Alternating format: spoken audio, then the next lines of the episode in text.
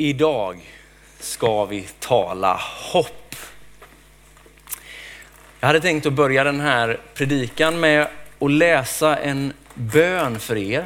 Och den här bönen bad Harald, våran äldsta son, för ungefär, nästan precis faktiskt, ett år sedan.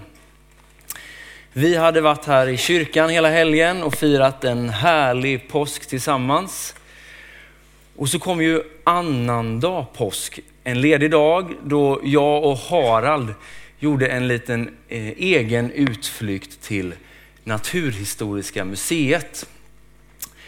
Och med facit i hand så här så var det kanske lite väl mycket intryck den här helgen. För på måndag kväll så bad Harald följande bön. Och eftersom det var då en av hans allra första böner så är jag ju, var jag ju snabb att anteckna detta. Jesus, var med alla folk. De kommer att dö. Men bara en liten stund, sen kommer alla att leva. Dinosaurierna är döda för länge sedan. Då var vi apor. Amen.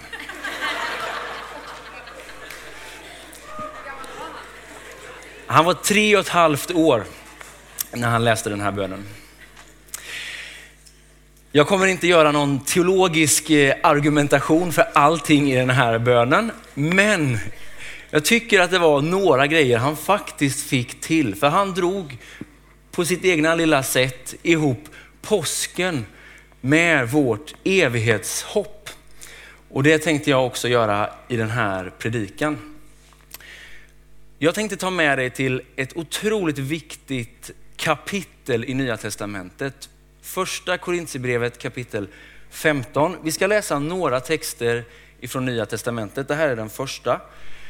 Och fundera lite över frågan, varför dör och uppstår Jesus? Vad ger egentligen Nya Testamentet för svar på de här frågorna? Och vi ska börja i första Korintierbrevet 15. Den här texten kommer inte komma på skärmen. Så om du inte har en, en, fysisk bibel med dig, då kan du bara slappna av och lyssna nu. För det här är en fantastisk text som jag tycker passar väldigt bra på påskdagen. Jag läser från vers 3. Bland det första jag förde vidare till er var detta som jag själv hade tagit emot. Att Kristus dog för våra synder i enlighet med skrifterna. Att han blev begravd, att han uppstod på tredje dagen i enlighet med skrifterna och att han visade sig för Kefas och sedan för de tolv. Därefter visade han sig för mer än 500 bröder vid ett och samma tillfälle. De flesta är ännu i livet, men några har avlidit. Vi vet ju att han också visade sig för kvinnorna vid graven. Jag vet inte varför Paulus inte räknar upp det här. Han kanske hade sina anledningar. Därefter visade han sig för Jakob. Det här är alltså Jesu egen bror. Och sedan för alla apostlarna. Allra sist visade han sig också för mig, Paulus då, detta ofullgångna foster. Jag är ju den allra minste av apostlarna, inte värdig att kallas apostel eftersom jag förföljt Guds församling. Men genom Guds nåd är jag vad jag är och hans nåd emot mig har inte varit förspild. Jag älskar den här meningen. Jag har arbetat mer än någon av dem. Fast inte jag, utan Guds nåd som har varit med mig. Jag eller dem, så är det vi förkunnar och så är det ni har lärt er att tro. Men om det nu förkunnas att Kristus har uppstått från de döda, hur kan då några bland er säga att det inte finns någon uppståndelse från de döda? Om det inte finns någon uppståndelse från de döda har inte heller Kristus uppstått. Men om Kristus inte har uppstått, ja då är vår förkunnelse tom och tom är också er tro. Och då visar det sig att vi har vittnat falskt om Gud. Eftersom vi har vittnat om Gud, att han har uppväckt Kristus, som han ju inte kan ha uppväckt om det inte är sant att de döda inte uppstår. Ty om inga döda uppstår har heller inte Kristus uppstått. Men om Kristus inte har uppstått, då är er tro meningslös och ni är ännu kvar i era synder. Då är också de som har avlidit i tron på Kristus förlorade. Gäller vårt hopp till Kristus bara detta livet, då är vi de mest ömkansvärda bland människor. Men nu har Kristus uppstått från de döda som den första av de avlidna. Ty eftersom döden kom genom en människa kommer också uppståndelsen från de döda genom en människa. Liksom alla dör genom Adam så ska också alla få nytt liv genom Kristus. Men i tur och ordning, först Kristus och därefter efter, vid hans ankomst, de som tillhör honom. Det var en lång text. Är ni fortfarande vakna? Men det var ju en bra text. Här ger Paulus två anledningar, skulle jag vilja säga, till varför Jesus dör och uppstår. Vad spelar det egentligen för roll? Ja, men den första anledningen handlar ju om ditt och mitt liv. Synden är besegrad. Ni behöver inte längre vara kvar i era synder. Det är det första. Och det andra handlar ju om livet efter döden. Frågan i Korint verkar ju vara, inte om Jesus har uppstått eller inte, utan om det finns uppståndelse för de döda. Och för Paulus verkar de här två sakerna vara helt oskiljaktiga. Liksom alla dör genom Adam så ska också ni få nytt liv genom Kristus. Men i tur och ordning, först Kristus och därefter vid hans ankomst, de som tillhör honom. Varför dör och uppstår Jesus enligt Paulus?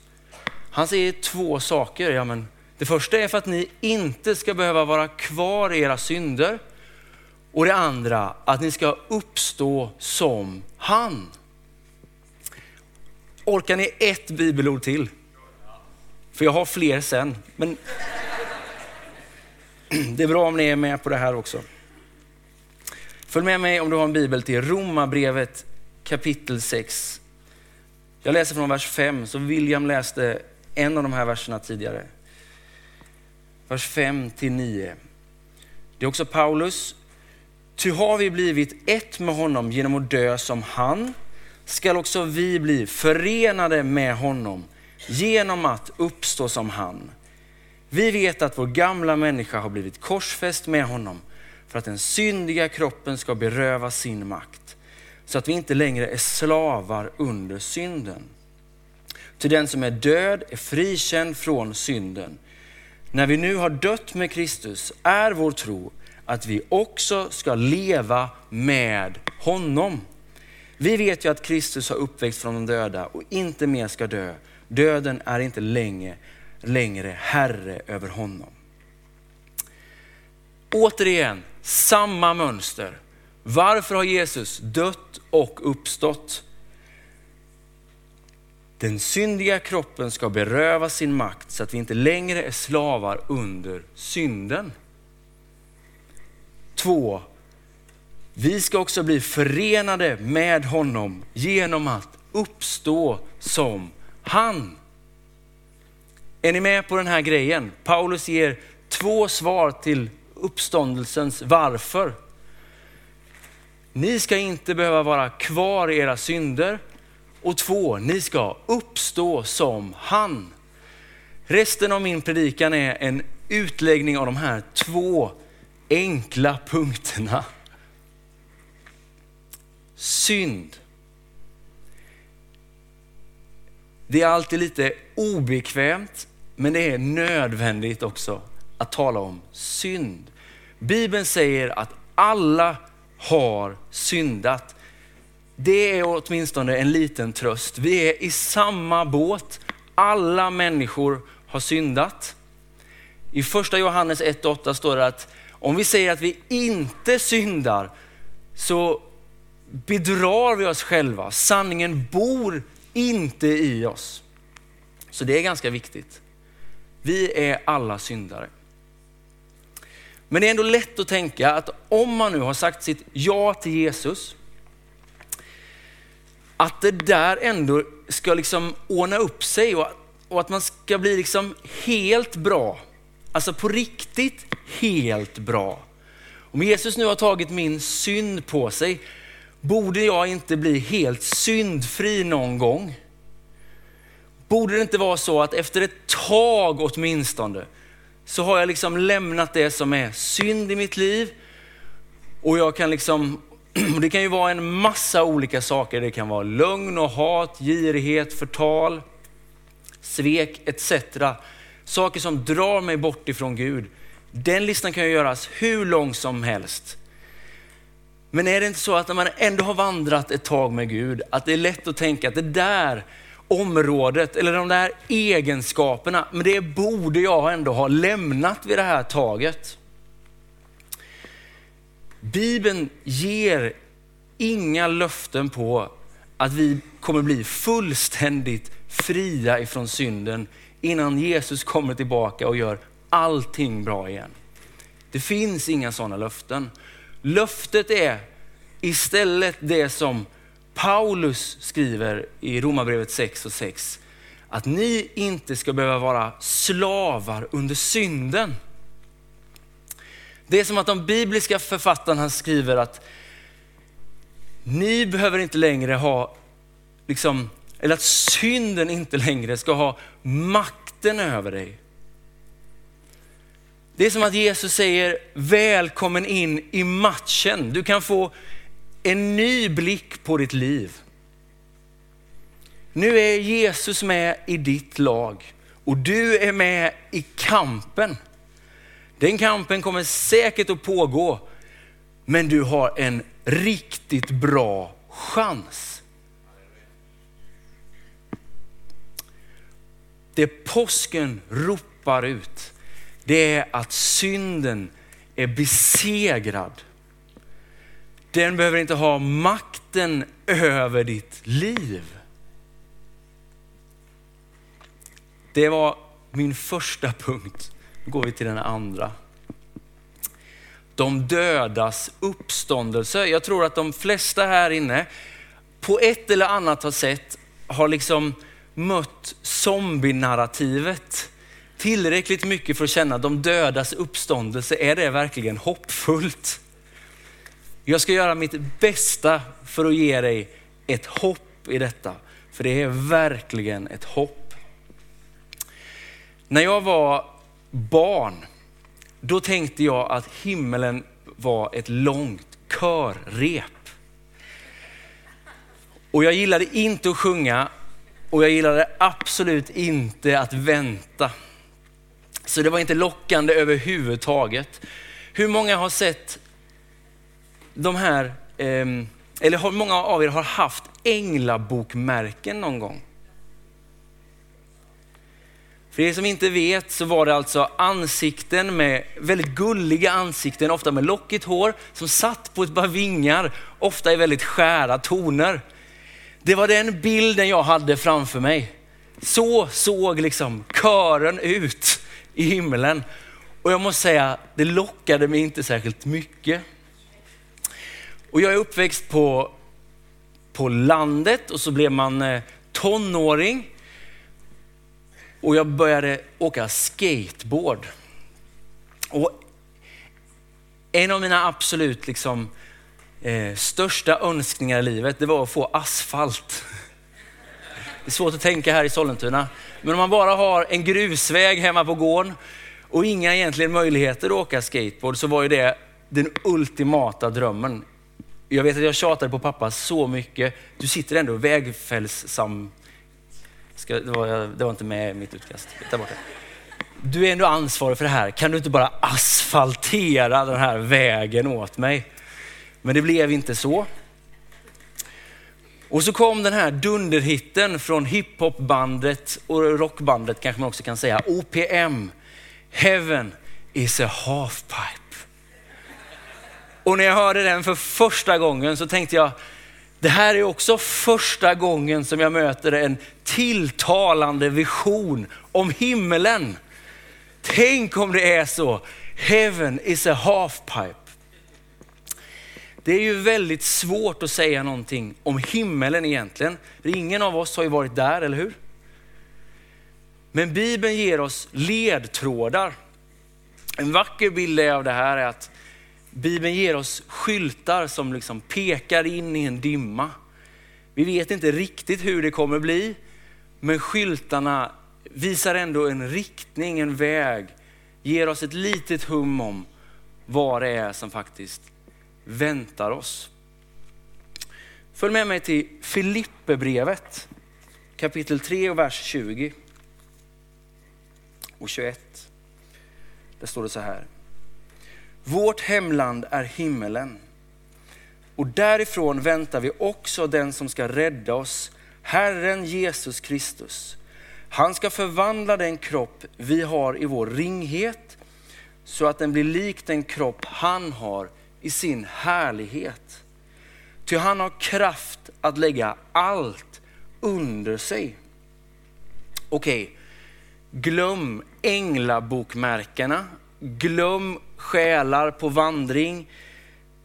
Tänk en kropp, en fysisk kropp, förvandlad men ändå en kropp. Det som kan vara lite förvirrande i den här texten, det är ju riktningen.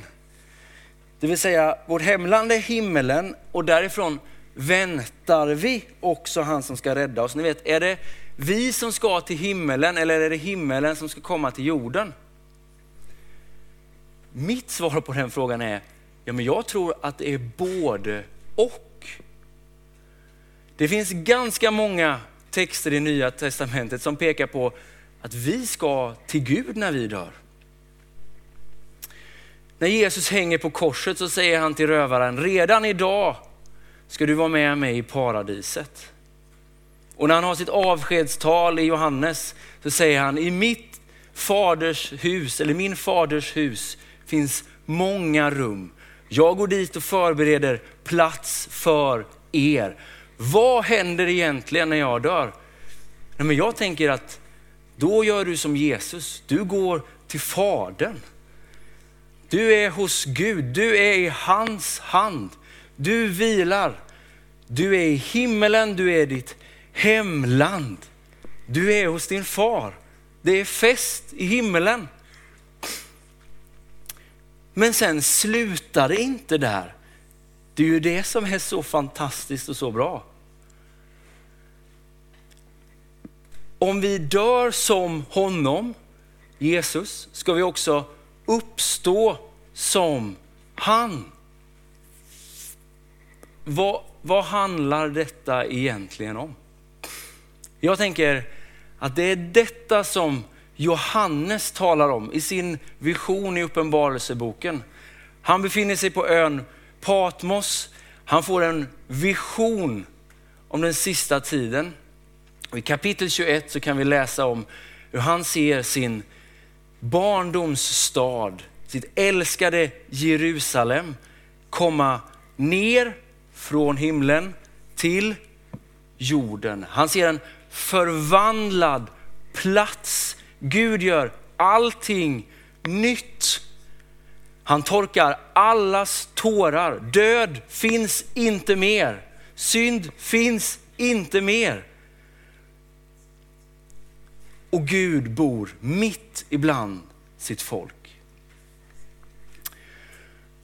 Om du nu tyckte att liksom, det var ett lyft att gå från körrepet till en värtramp, följ med mig till Romarbrevet kapitel 8. Det här är mitt sista bibelord idag.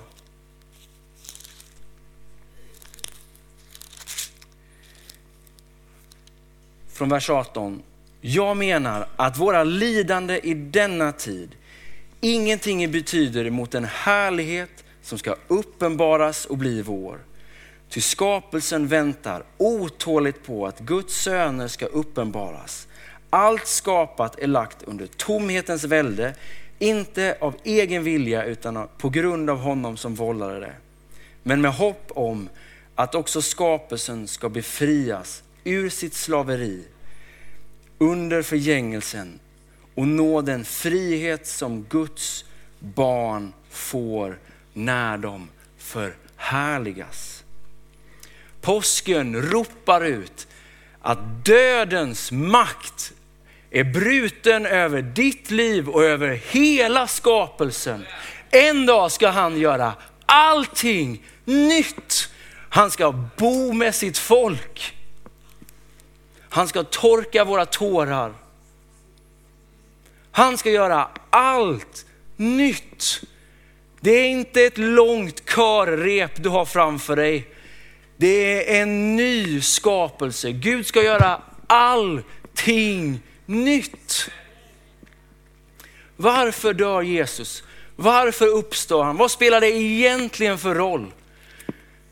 Syndens makt är bruten över ditt liv. Du är med i matchen. Du har en god chans, för du har Jesus i ditt lag. Och dödens makt är bruten. Du behöver inte vara rädd för döden. Döendet kan man vara rädd för, men döden behöver du inte vara rädd för. För i uppståndelsen så är dödens makt bruten. Lovsångsteamet kan göra sig redo. Herre, jag tackar dig för påskdagen, Herre. Jag tackar dig för vad den vittnar och berättar till oss, Herre. Jag tackar dig att detta är hopp, Herre. Det är hopp, Herre.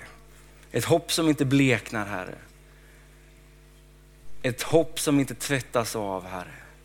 Ett hopp som kan få växa i våra liv, Herre, och bli starkare och starkare, Herre. Jesus, jag tackar dig, Herre, för att syndens makt är bruten, Herre.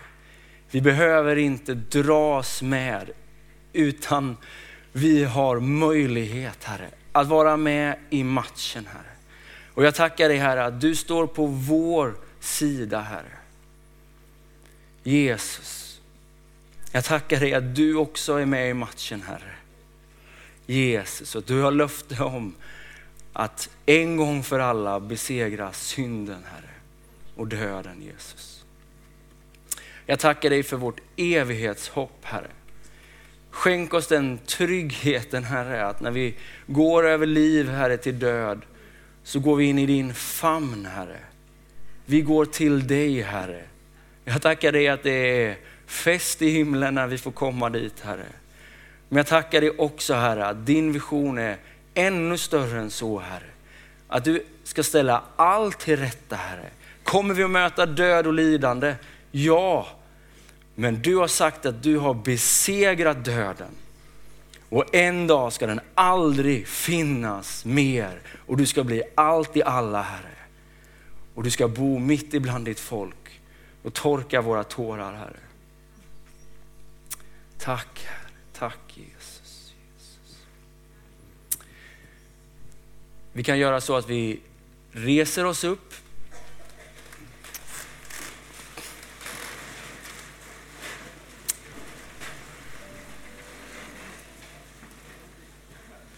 Vi kommer gå in i en stund av förbön, bön och tillbedjan. Det kommer finnas möjlighet för dig som vill att tända ett ljus här nere. Det finns människor här som gärna ber för dig här framme vid ljusbäraren. Och jag tänker att du ska också få möjlighet, Herre, idag att bekänna dina synder inför Gud. Är det någonting som du behöver lägga i hans hand. Kanske finns det egenskaper eller områden i ditt liv som du tänker, jag kapitulerar inför detta. Jag är den jag är, jag kan inte förändra detta. Ja, men påskens budskap är, du är inte längre slav under synden. Det finns en väg ut och den tar man bäst tillsammans med Jesus. Så jag vill ta en, en kort stund här när du ska få bekänna tyst för dig själv mellan dig och Jesus. Om det är något du vill lämna till honom. Och därefter ska vi gå in i en stund av bön och lovsång. Och jag skulle vilja bjuda in dig som känner att du är rädd för döden. Döden har något slags krampaktigt tag över ditt liv. Om det är en rädsla, en skräck, något du skjuter framför dig. Ja, men jag tror att Gud skulle vilja befria dig från det idag. Du är hans barn om du bekänner dig till honom. Då behöver du inte vara rädd. Vi tar några tysta sekunder här och rannsakar oss själva. Herre, jag tackar dig för att om vi bekänner våra synder, Herre, då är du trofast och rättfärdig, Herre. Förlåter oss våra skulder, Herre. Du har kallat oss till frihet, Herre. Fyll oss med din kraft, Herre. Lämna det som leder bort ifrån dig, Herre. Låt uppståndelsen få vara en påminnelse om, Herre, syndens makt är bruten, Här. Och jag vill be för den också som känner sig rädd för döden, Här. Som på olika sätt skjuter det framför sig, Herre, den här rädslan. Herre, jag ber att den där ryggsäcken skulle få plockas av idag, Herre. Att den eller de personerna, Herre, som känner det och upplever den där frusna rädslan, Herre. Ber att de skulle få lämna det vid korset den här söndagen, Herre. Jesus. Jag tackar dig för uppståndelsens ljus, Herre. Låt den få lysa över våra liv, Herre. Låt oss få vandra i ditt hopp, Herre. Jag tackar dig för att vi får vara med i matchen, Herre. Att du går vid vår sida, Herre. Du har lovat att också möta oss, Herre. Och vi bär på hoppet Herre om den slutgiltiga uppståndelsen när du ska göra allting nytt. Amen.